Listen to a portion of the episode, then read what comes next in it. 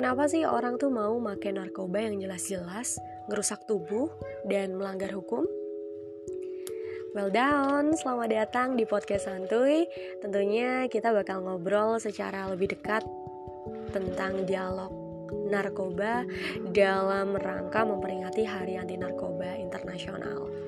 Sebagai generasi muda dan berencana, tentunya kita harus paham banget nih isu-isu penting kayak gini untuk kita lakukan kajian atau kita research dan kita sebarkan informasi penting yang bisa membuat anak-anak muda zaman sekarang itu sedikit memahami ya, sedikit memahami bagaimana sih dan apa sih yang harus kita hindari gitu kan. Dalam dunia genre itu atau generasi berencana kita punya beberapa substansi yang bisa kita andalkan untuk pedoman kita sebagai seorang muda ya. Millennials muda kreatif dan tentunya juga inovatif. Kita tentunya bisa menghindari tiga poin utama yaitu tentang nikah dini seks bebas dan yang satunya adalah nafsa yaitu narkotika, psikotropika dan zat adiktif.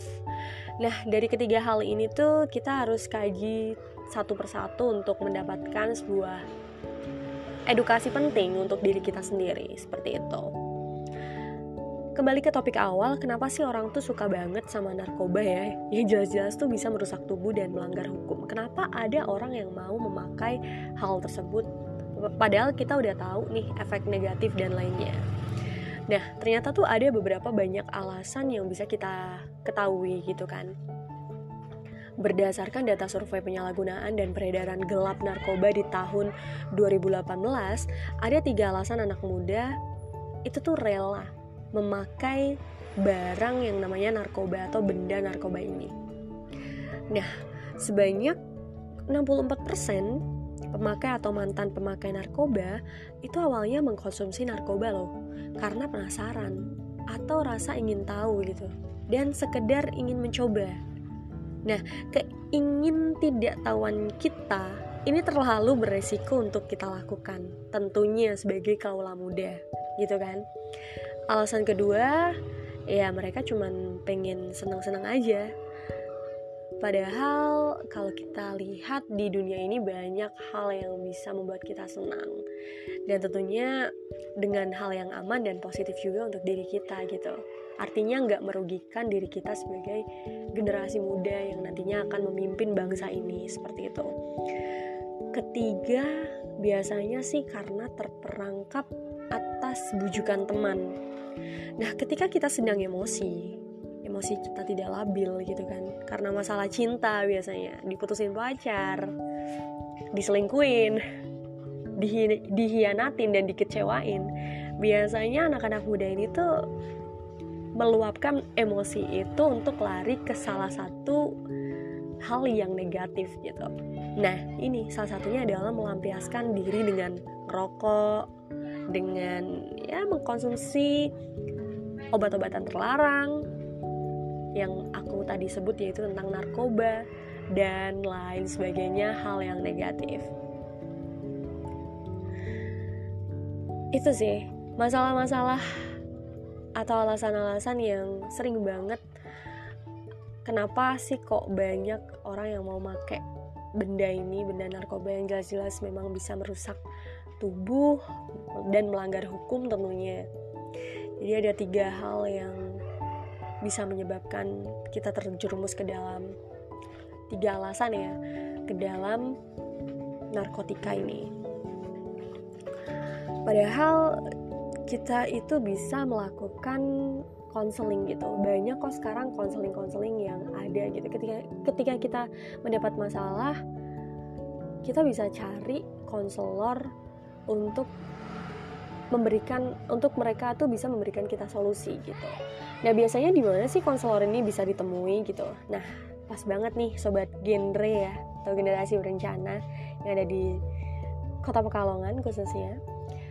Kita di Pekalongan tuh banyak pik-pik yang ada gitu seperti PIK masyarakat PIK itu pusat informasi konseling mahas ada yang mahasiswa ada yang pen, ada yang masyarakat ada yang PIK remaja dan lain sebagainya Nah, biasanya Perpik ini menyediakan sesi konseling gitu secara online maupun offline.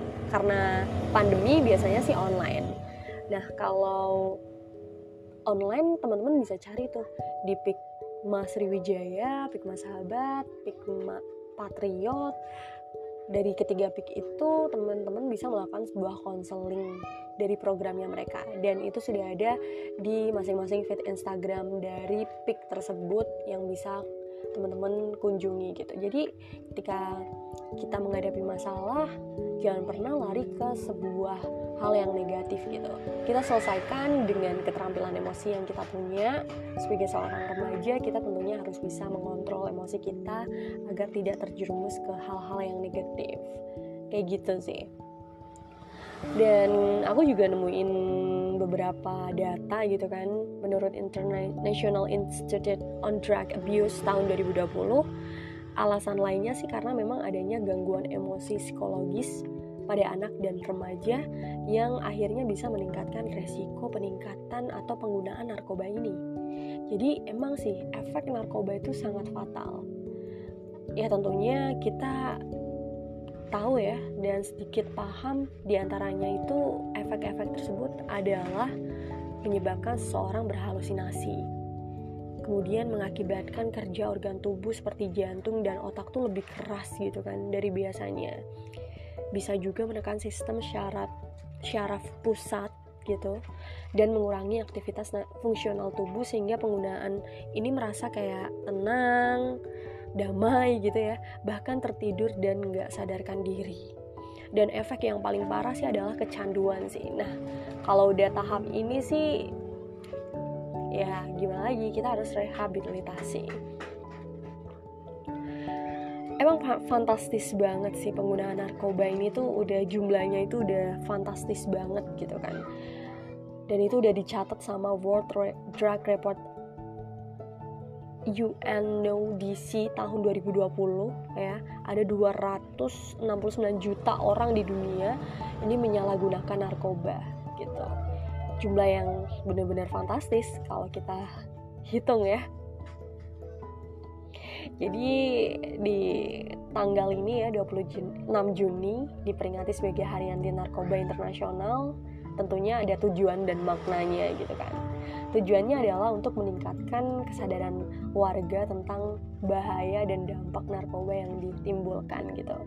Jadi sebagai generasi muda ya jangan pernah untuk coba-coba mencicipi barang haram tersebut ya, apa pun alasannya lo bisa berprestasi tanpa drugs dan tentunya kamu sebagai seorang kaula muda bisa menciptakan hal-hal yang positif berkarya terus berprestasi terus dengan cara kamu dengan passion kamu dengan hobi kamu.